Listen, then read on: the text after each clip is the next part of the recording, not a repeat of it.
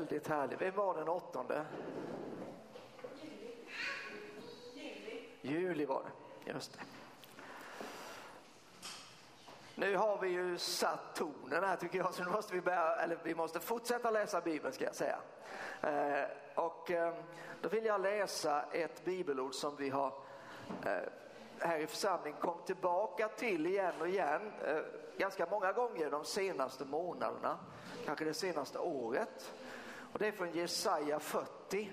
Och har du en bibel i närheten så får du gärna eh, öppna upp den och läsa med. Och annars får du lyssna och använda all din uppmärksamhet till det som jag eh, kommer att läsa. Här några verser i början på kapitlet. Eh, Jesajas kan man ju säga att det är uppdelat i, i tre olika delar ungefär. Och eh, här kommer en del som har rubriken Sion och frälsningen. Och eh, kapitel 40 har rubriken Herren tröstar sitt folk. Och det är väl underbart att, att Gud är en Gud som inte bara håller reda på oss och liksom, ja, önskar att ni kunde skärpa er lite grann, utan han kommer med tröst i livets alla skeenden. Och här kommer en uppmaning då ifrån Gud, Jesaja 40. Trösta, trösta mitt folk, säger Gud.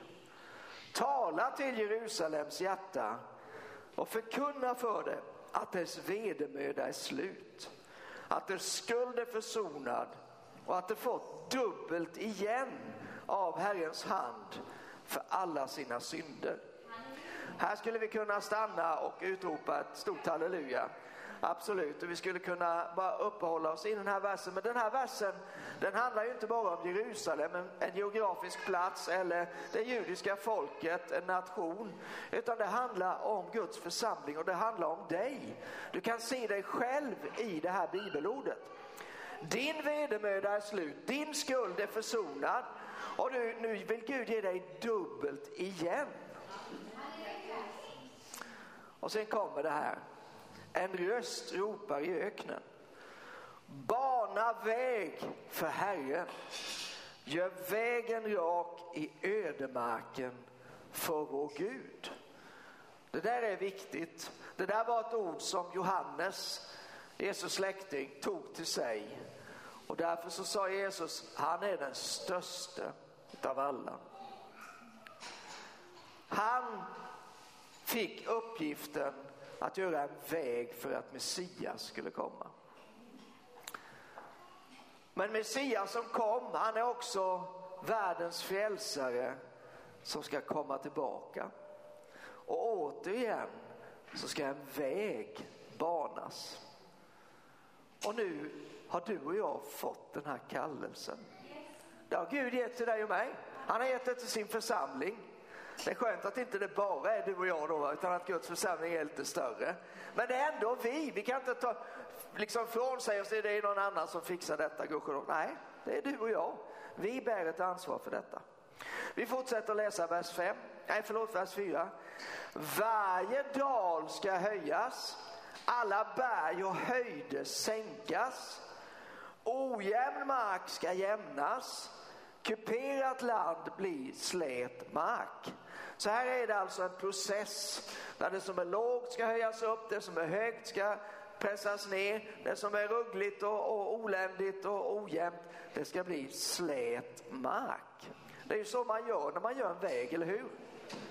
Man får flytta på en del grejer, man får fylla i en del hålor och så kan det bli en väg där. Och varför ska man göra det? Jo, vers 5 talar om det för oss. Herrens härlighet ska uppenbaras.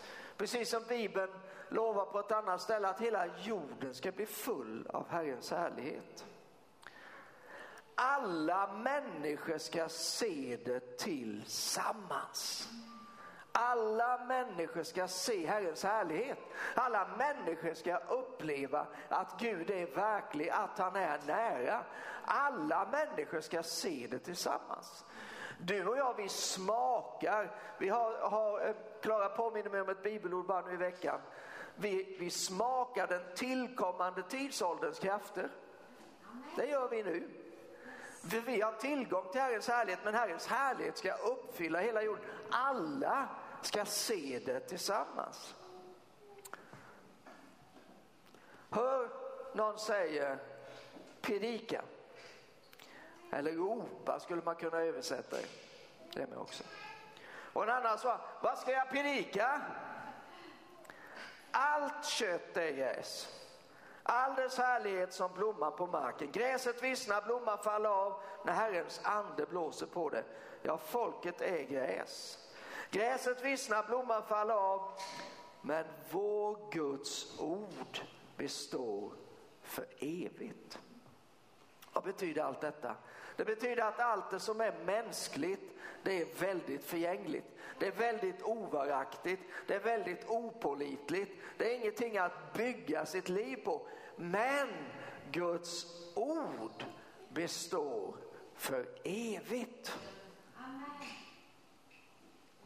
Och så kommer den här versen som jag älskar, eller två verser till och med, som jag älskar så mycket. Jag har speciellt minne förknippat med det. För många år sedan, någonstans på 90-talet, så åkte vi ett team ner till Istanbul för att ha möten där. Eh, och på vägen ner i flygplanet så ställer sig Kristina Danielsson upp och så börjar hon att predika det här bibelordet för oss i teamet. De andra fick det liksom på köpet där. Eh, för det var ett ord som Gud hade gett henne för det här tillfället. Det säger så här, Sion, du glädjens budbärarinna. Stig upp på ett högt berg. Jerusalem, du glädjens budbärarinna. Höj din röst med kraft. Det är väldigt svårt att läsa det här ordet tyst. Jag, jag har liksom försökt men det har inte gått där. Det gick inte idag heller. Höj den utan fruktan och säg till Judas städer. Se er Gud. Ja, Herren Gud kommer med kraft. Hans arm visar sin makt. Se, han har med sig sin lön och hans segerbyte går framför honom. Jag kommer inte ifrån tanken eller känslan av att det här är ett bibelord som är väldigt relevant och aktuellt för vår tid. Att Gud i den här tiden kallar dig och mig att vara sådana som banar väg för Gud, som, som röjer marken för att Guds härlighet, Guds ande ska bli utgjuten. Eh, och att det är dags för oss, för församlingen, att kliva upp. För många år sedan så var vi i Växjö och, och eh, um, var hänvisade. Vi hade, jag vet inte, vi var inne i en skol, i ett skyddsrum under en skolare. Skola heter det. Uh, och, och um, jag vet inte varför vi hade hamnat där, men där var vi i alla fall. Uh, och um, mitt när det var trögt, det var liksom Ja, man bara kände hela det där stora huset var på huvudet kändes det som, även rent andligt. Och så bara upplevde jag hur Gud sa, här är ingen som har stuckit upp huvudet på länge. Så jag ställde mig upp på en stol och slog jag nästan huvudet i taket för det var så lågt där va. Och så bara skrek jag, jag sticker upp huvudet i den här stan. Det var ju när man var ung och dum. Då är man bara dum. Nej. Nej men jag tror, alltså varför inte ta det bokstavligt? Inte bara. Men varför inte göra någonting? Det är ju judarnas signum då va? Ja men Gud sa att vi ska fästa bibelordet på dörrposten. Ja okej, okay är det någon som har eh, skruv här då så skruvar vi fast det här. Ja men broder förstår du inte att det är symboliskt? Nej varför ska vi tänka så? Varför kan jag inte göra det? Inte bara så tänka att det löser allting, men varför inte agera? Och det är lite grann åt det hållet som vi ska gå den här dagen. För jag vill, tänka, jag vill tänka så här, jag tror inte att någon finns här som, som tänker så här, jag ska ställa mig i vägen för Gud. För att det är Antikrist ande som tänker på det sättet och det, den har inte vi, eller hur? Eller hur? Nej, skönt. Så ingen vill vara i vägen för Gud. Men att bara säga det, det kanske inte räcker hela vägen för Gud har ju tänkt att vi ska vara vägen för honom. Inte vara i vägen men att vara vägen för honom. Och då blir det viktigt att göra en del distinktioner. En sån distinktion det är att Gud har inte kommit hit för att förverkliga våra drömmar. Ibland liksom lutar vi in oss åt det hållet då. Va? Jag har drömmar här och, och, och så vi predikanter vi säger ja men Gud vill förverkliga dina drömmar. Ja, det finns en sanning i det. Men om vi bara säger det så blir det lite litet nämligen.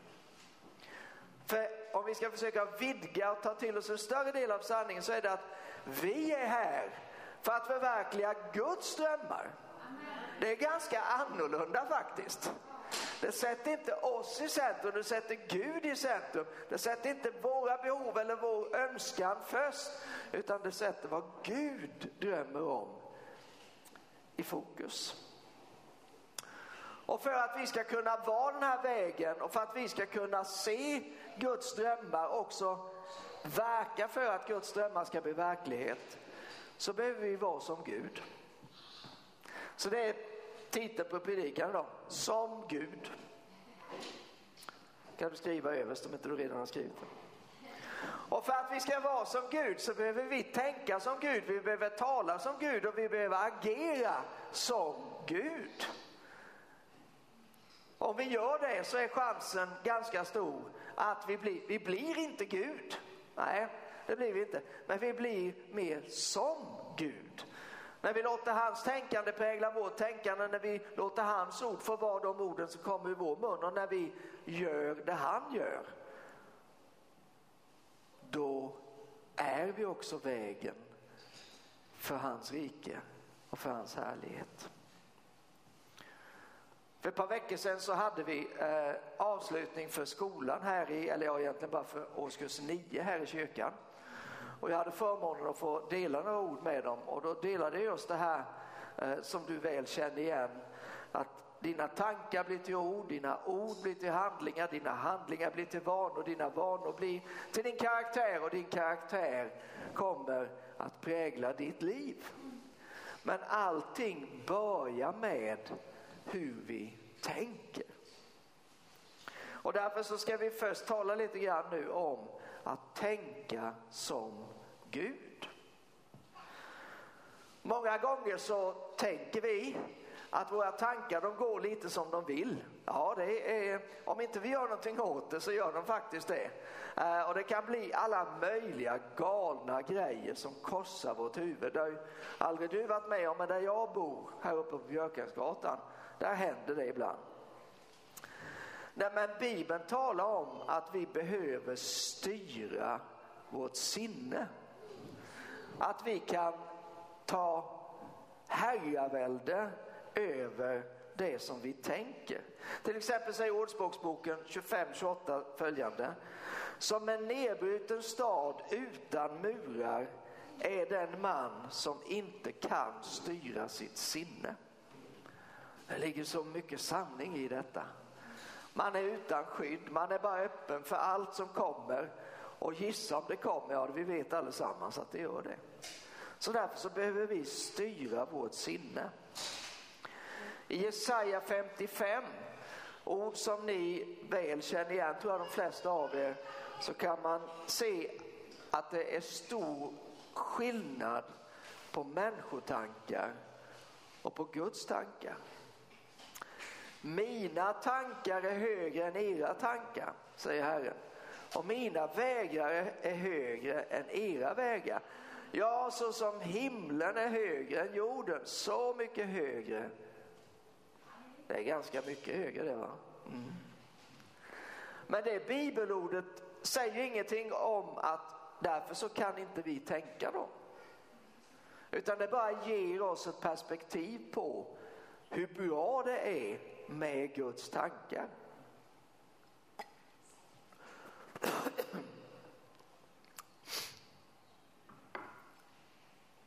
Och det är dem som du och jag behöver tänka ska läsa från Jeremia. Det är ganska nära Jesaja där vi var tidigare, så Jeremia 29. Jag bara påminner dig om vers 11, Jeremia 29 och 11. Jag vet vilka tankar jag har för er, säger Herren, nämligen fridens tankar och inte ofärdens, för att ge er en framtid och ett hopp. Jag tror att när Gud säger de tankar jag har för er så menar han att ja, men det är de tankar jag tänker för er och det är väl så vi vanligtvis läser det. Men jag tror också att man kan läsa det som ja, det är de tankar jag har för er för att ni ska tänka dem. Eller hur? Jag har tankar för er. Nu får ni dem. Tänk på det här sättet. Att vi ska tänka framtid, att vi ska tänka hopp. Det rimmar ganska bra tycker jag med Bibelns budskap överhuvudtaget. Ibland talar man om tomma tankar. Jag tänker att tomma tankar det är tankar utan Gud. Ni vet om man kör bilen med tomma tankar, då kommer man inte långt. Och vill man köra det kristna livet med tomma tankar, ja det är precis samma princip. Det, det, man kommer inte någonstans, det står liksom och stampar. Är det uppför dessutom så riskerar man ju att det rullar baklänges. Så därför är det viktigt att fylla tankarna. Man kan göra det, eller hur? Man fyller tankarna och när man gör det så fyller man dem med Guds tankar. Om vi går till Nya Testamentet, det här blir ett litet bibelstudium den här morgonen. Och jag tänker på det som står i Filipperbrevets fjärde kapitel.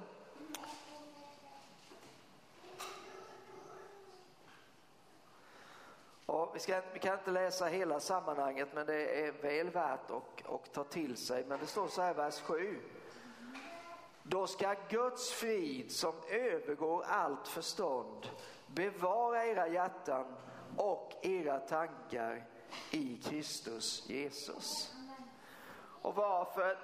Det står ju då. Vad är det då? Jo, det är när vi slutar bekymra oss och istället talar med Gud om vad vi behöver.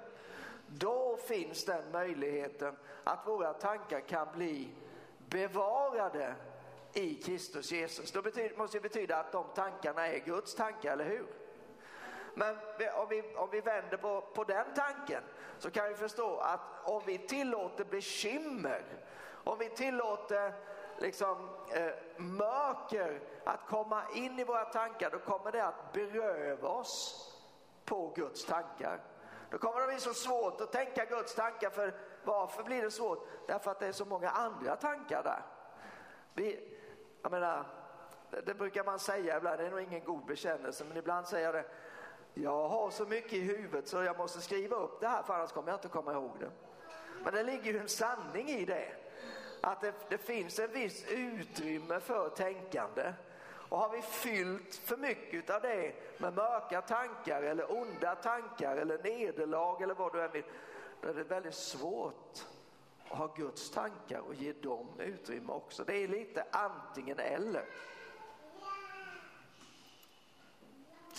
Första Korinthierbrevet 2 och 16 talar jag om, alltså första Korinthierbrevet 2, det är ett viktigt kapitel. Jag vill bara påminna dig om det. Men det slutar med att säga att vi har Kristi sinne. Det vill säga, vi har fått en kapacitet, vi har en möjlighet, vi är hopkopplade på ett sådant sätt med Gud att vi har tillgång till Kristi sinne. Vi kan tänka som han tänker. Vi har det inte, vi har det, ska jag säga det så att det blir rätt här nu. Det är ingen automatik i det eller självklarhet, men möjligheten finns där för oss att tänka. Vi har tillgång till Guds tankar. Hur har vi tillgång till dem? Genom Guds ord som är fyllt av hans tankar och genom att vi har den heliga ande som är Guds ande och som bor i oss och som har kommit för att hjälpa oss och påminna oss om allt vad Jesus sa och leda oss in i hela sanningen. Därför har du och jag tillgång till alla Guds tankar. Att tänka som Gud, Det betyder att låta sig vara upptagen med det som Gud är upptagen med. Att prioritera det som Gud prioriterar. Det betyder att tänka tro istället för att tänka fruktan. Och då kanske någon säger, jag önskar jag kunde tänka, tänka tro, men jag tänker det är så mycket fruktan i mitt huvud. Det är därför, vet du vad, det, murarna är nedbrutna. Du måste börja, bygga upp murarna igen. Och det finns inget bättre sätt att göra det än med det här ordet, för det här ordet det föder din tro. Och när du föder din tro, då pressas fruktan tillbaka. Du ser mer och mer av den sanning som Gud erbjuder och det avslöjar mer och mer utav de lögner som kanske binder dig just nu. Därför är det så viktigt. Om vi ska bana väg för Herrens härlighet så måste vi tänka som Gud tänker. Men nu tar vi nästa steg. Vi ska inte bara tänka som Gud tänker, vi ska också tala det som Gud talar. Du kanske har hört det här bibel, eh, bibelordet, höll jag på att säga nu. Fast det är det ju inte. Tala är silver men tiga är guld. Jag har letat efter det i Ordspråksboken men jag har inte hittat det. Därför att det står inte där. Det är en mänsklig tanke. Alltså det finns en poäng i detta, absolut. En del behöver verkligen ta till sig det här ordspråket. Men Gud har satt oss här för att vi ska tala. Det stora problemet är inte att det är några få som talar för mycket. Det stora problemet i kristenheten är att det är alldeles för få som överhuvudtaget öppnar munnen. Men om vi ska bana väg för Gud så är det otroligt viktigt att vi talar. Gud är en Gud som talar. Och vi är skapade till att vara honom lika. Alltså ska vi också tala. Våra ord är också skapande. Visst är det så att, att ord som både vi själva talar och andra talar, de kan skapa allt möjligt. Och våra ord kan skapa tro, de kan skapa fruktan, de kan skapa frid, de kan skapa oro. Våra ord kan skapa närhet eller distans och så vidare. Våra ord är skapande. Kanske inte i samma, i samma utsträckning som Guds ord, men det är precis samma principer som reglerar våra ord. Och Bibeln säger ju hur mycket som helst om våra ord. Det är svårt att läsa Bibeln och inte se detta, men jag vill bara påminna om det, du har säkert sett det. Ta till exempel Ordspråksboken 18 och 21. Tungan har makt över död och liv.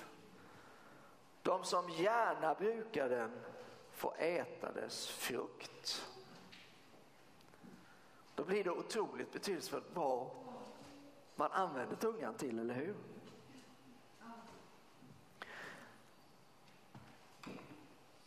Ska backa lite ifrån det jag var i Filipperbrevet så backa till Romarbrevets fjärde kapitel. Så jag bara pekar på en, en vers där. Vers 17 där det talas om Abraham.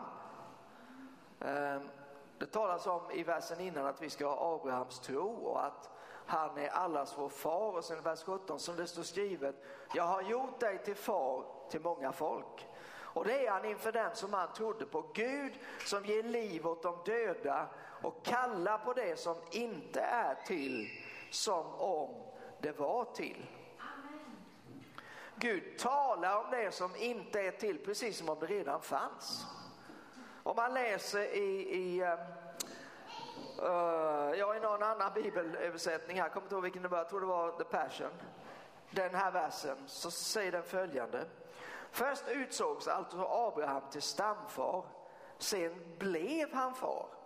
Eftersom han vågade lita på att Gud skulle göra det som bara Gud kan göra. Väcka de döda till liv, skapa något ur intet med bara ett ord. Det är precis samma princip som gäller för dig och mig. Vi kan skapa någonting med våra ord. Jag tycker det är onödigt tyst i kyrkan idag. Det har varit tyst här så länge så att man kanske liksom blir överväldigad av den här tystnaden som vilar över själva lokalen. Men nu är vi ju här, vi är ju 50 typ. Eh, och det är väl alldeles fantastiskt om vi bara kan, när vi nu talar om att tala menar jag, alltså, det kan väl vara ett läge.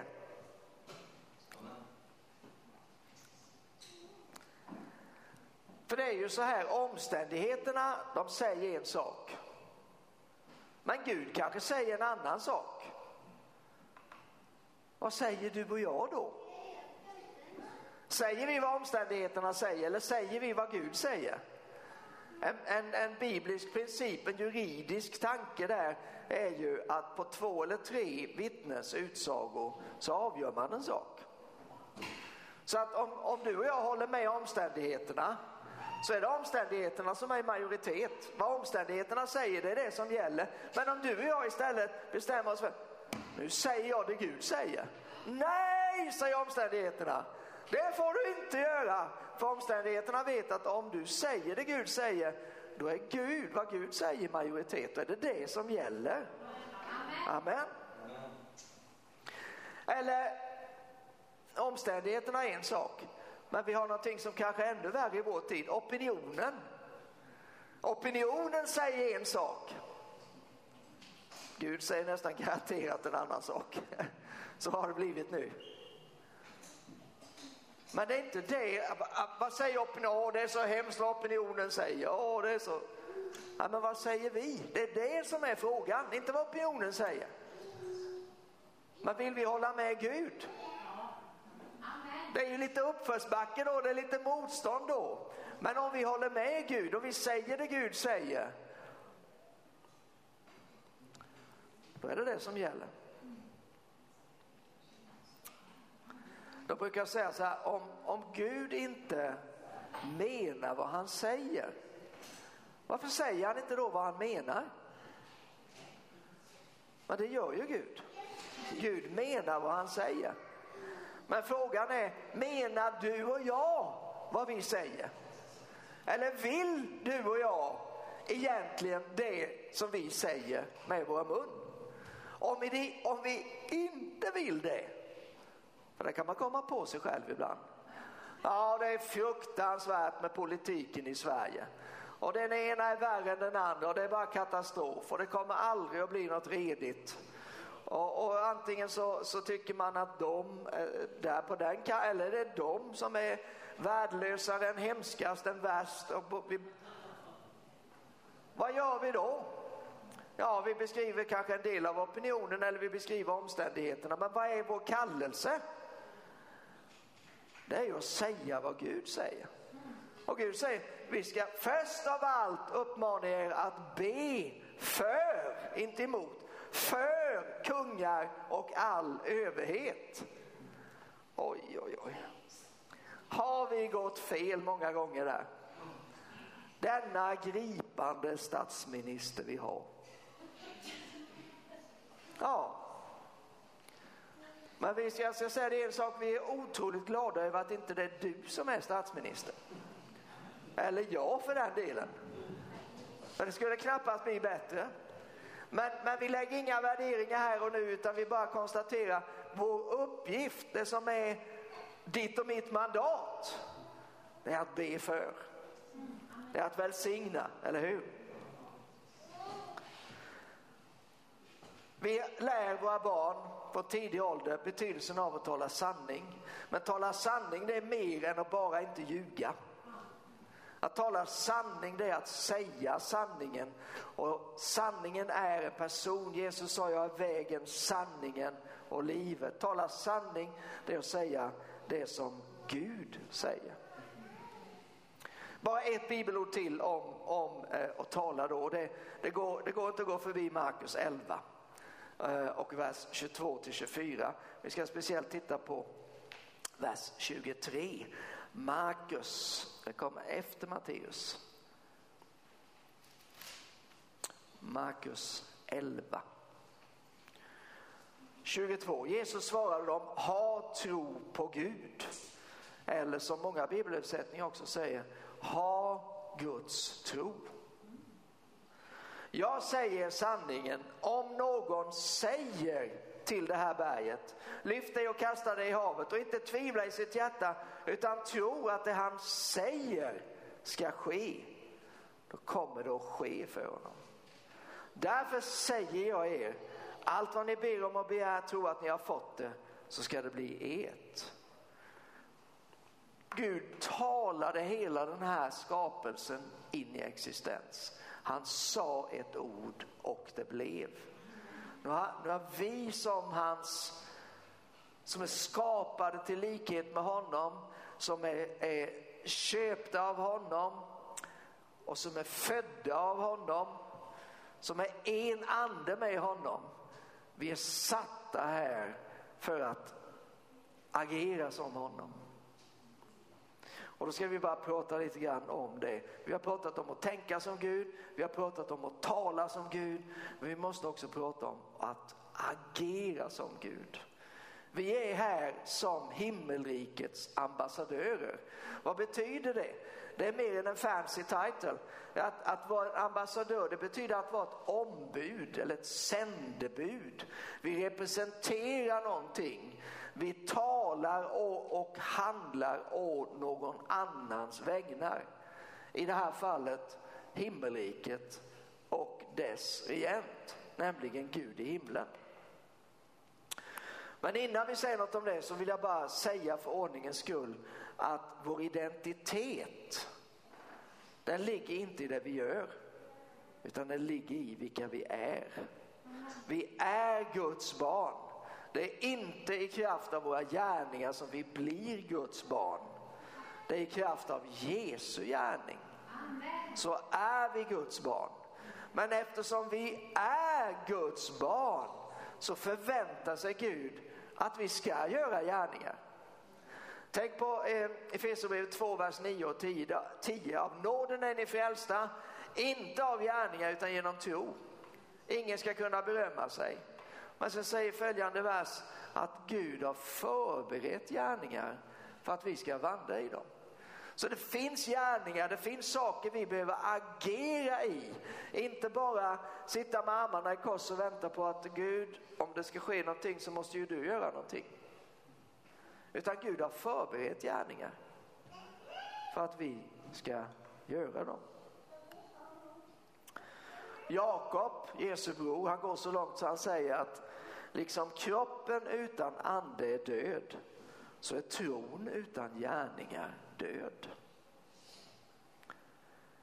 Och i fem av de sju breven till församlingen i Uppenbarelseboken så börjar Jesus med att säga till dem, jag känner era gärningar.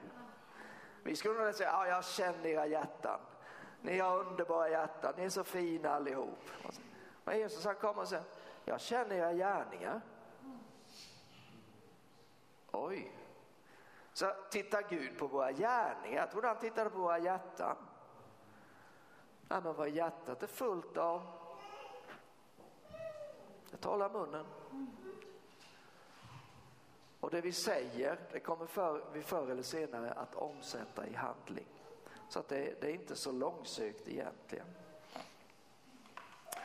Och då sa Jesus, den som tror på mig ska själv göra de gärningar som jag gör. Den som tror på mig ska göra de gärningar som jag gör. Den som tror på mig ska göra de gärningar som jag gör. Och vad gjorde Jesus? Ja, vi tänker på det uppenbara. Eh, är det eh, Apostlagärningarna 10.38? Jesus på Nasaret och Gud hade smort honom med helig ande och eld. Han gick omkring och gjorde gott och botade alla som var under djävulens våld. Så där, om vi vill göra Jesu gärningar, då har vi en bra beskrivning där. Men det är inte bara det, det är inte bara det övernaturliga. Jesus levde ett naturligt övernaturligt liv. Om du tittar på The Chosen så kan du se ganska mycket av vardagslivet, åtminstone just nu i säsong två. Eh, Vardagslivet för Jesus och för lärjungarna. Ganska frustrerande för lärjungarna verkar det eh, många gånger. Men så är det ju. Att det är ett vardagsliv. där vi också ska göra Jesu gärningar. Vad, vad gjorde Jesus då? En sak man kan säga det är att Jesus han höll sig alltid uppdaterad med sin far i himlen. Annars skulle han inte kunna säga som han säger i Johannes 5. Då säger han så här i vers 19. Jag säger sanningen, sonen kan inte göra något av sig själv utan bara det han ser fadern göra. Vad fadern gör, det gör också sonen. Så Jesus han höll sig hela tiden ajour med vad gör min fader nu? För det är det som jag ska göra. Precis samma sak gäller för oss. Om vi vill göra Jesu gärningar så måste vi göra det Jesus gör. Vi måste hålla, vi måste hålla kontakten med honom. Vi måste titta, vad gör han? Vad gör Jesus i den här tiden? Och jag har predikat så många gånger om detta men, men den 20 versen säger Fadern älskar sonen och visar honom allt han gör. Och större gärningar än dessa ska han visa honom så att ni blir förundrade. Så många gånger så läste jag detta och satte ändå Jesus i någon slags särställning. Men tills en dag som den helige ande bara säger, du är också faderns son. What? Jo, men rent teologiskt vet jag det. Men det är ju, det, det är ju alldeles för stort. Det, nej, men så, så kan man ju inte tänka. Det är ju högmodigt att tänka så. Jo, men vem är du? Du är Guds älskade son. Du är Guds älskade dotter. Det är samma princip återigen som gäller för dig. Fadern vill visa dig allt som han gör så att du kan göra det han gör, eller hur? Samma grej, är det inte fantastiskt? Hur kan vi hålla oss uppdaterade med vad Gud gör? Ja, vi kan läsa Guds ordet och vi kan umgås med den helige ande.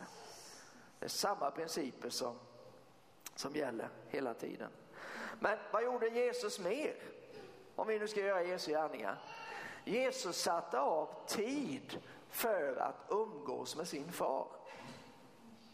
Det var där han såg vad hans far gjorde så att han kunde göra det som hans far gjorde.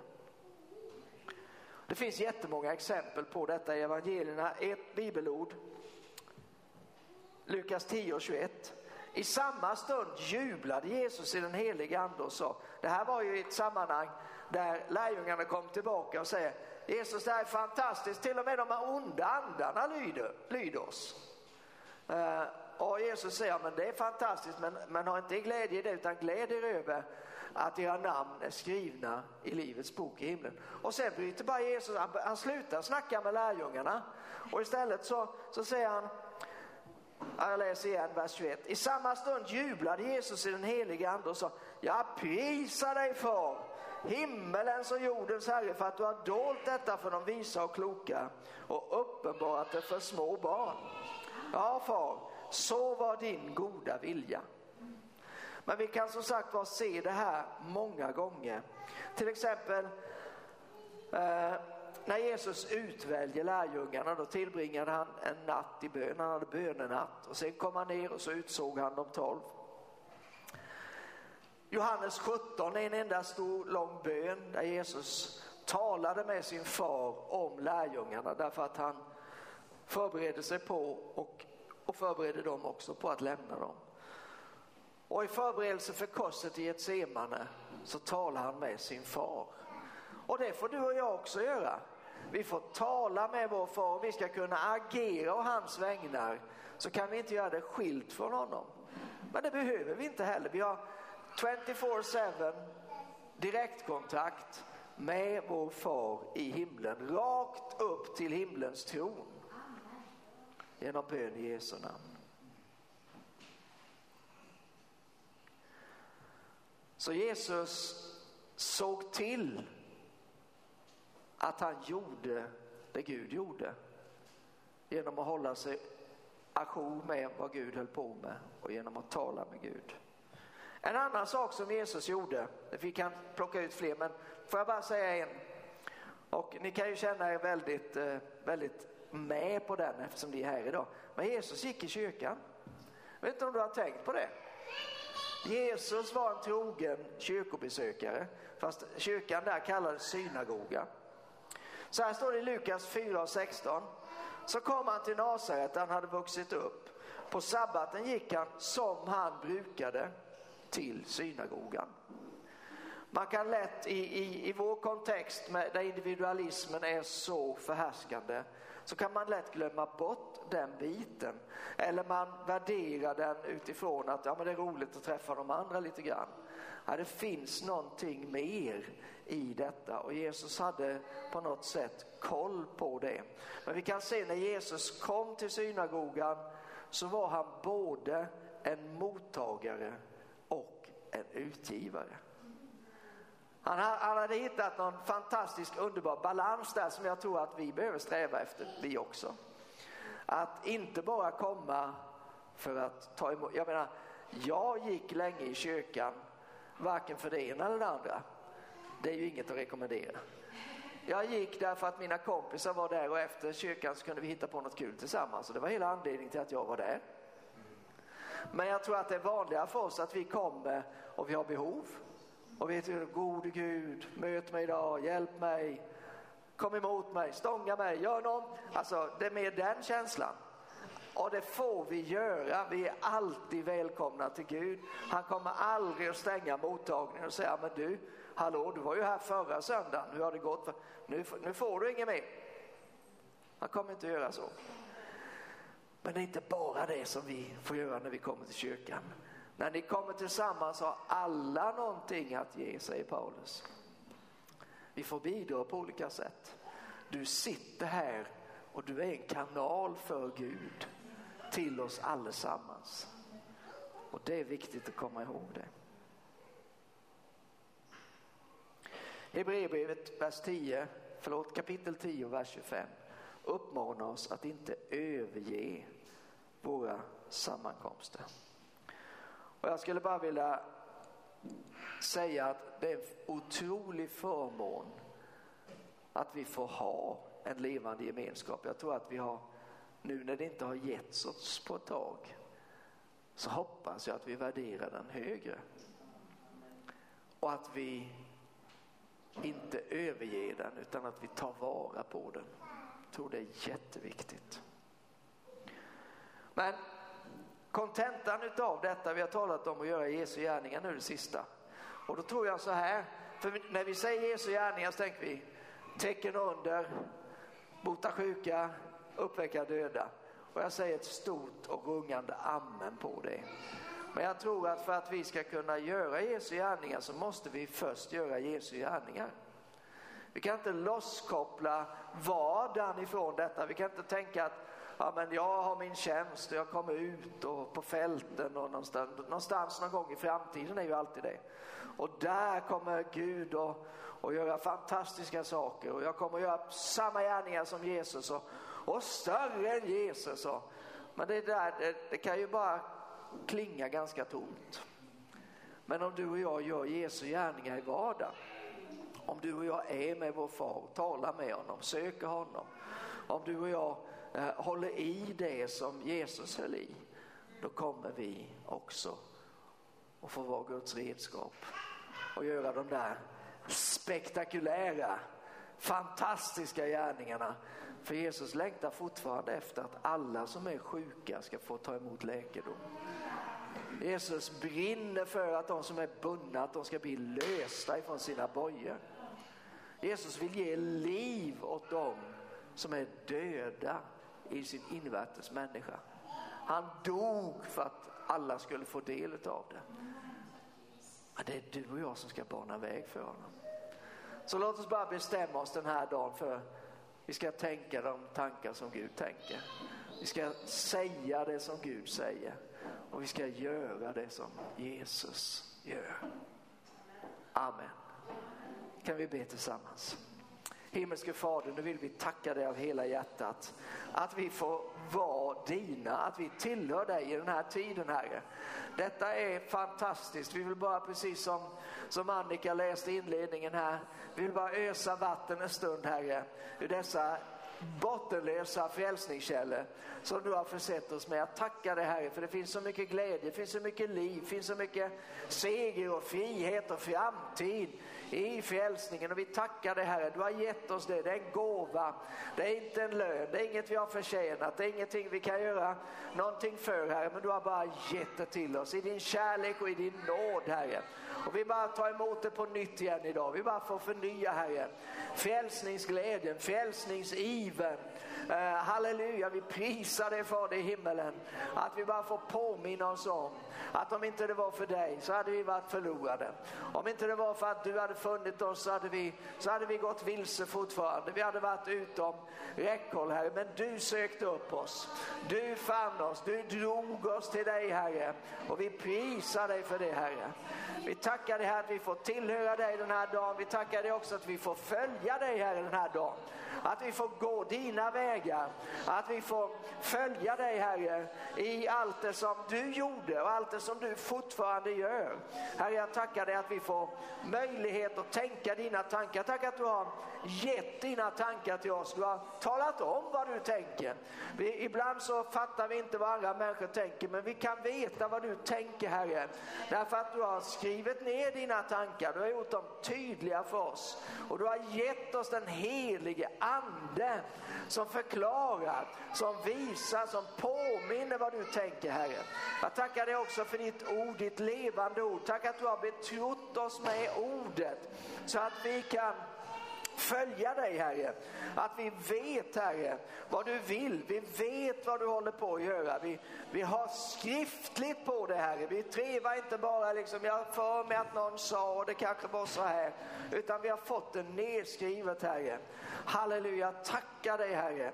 Jag tackar dig också Herre för att vi får tjäna dig. Att vi i den här tiden får agera och dina vägnar.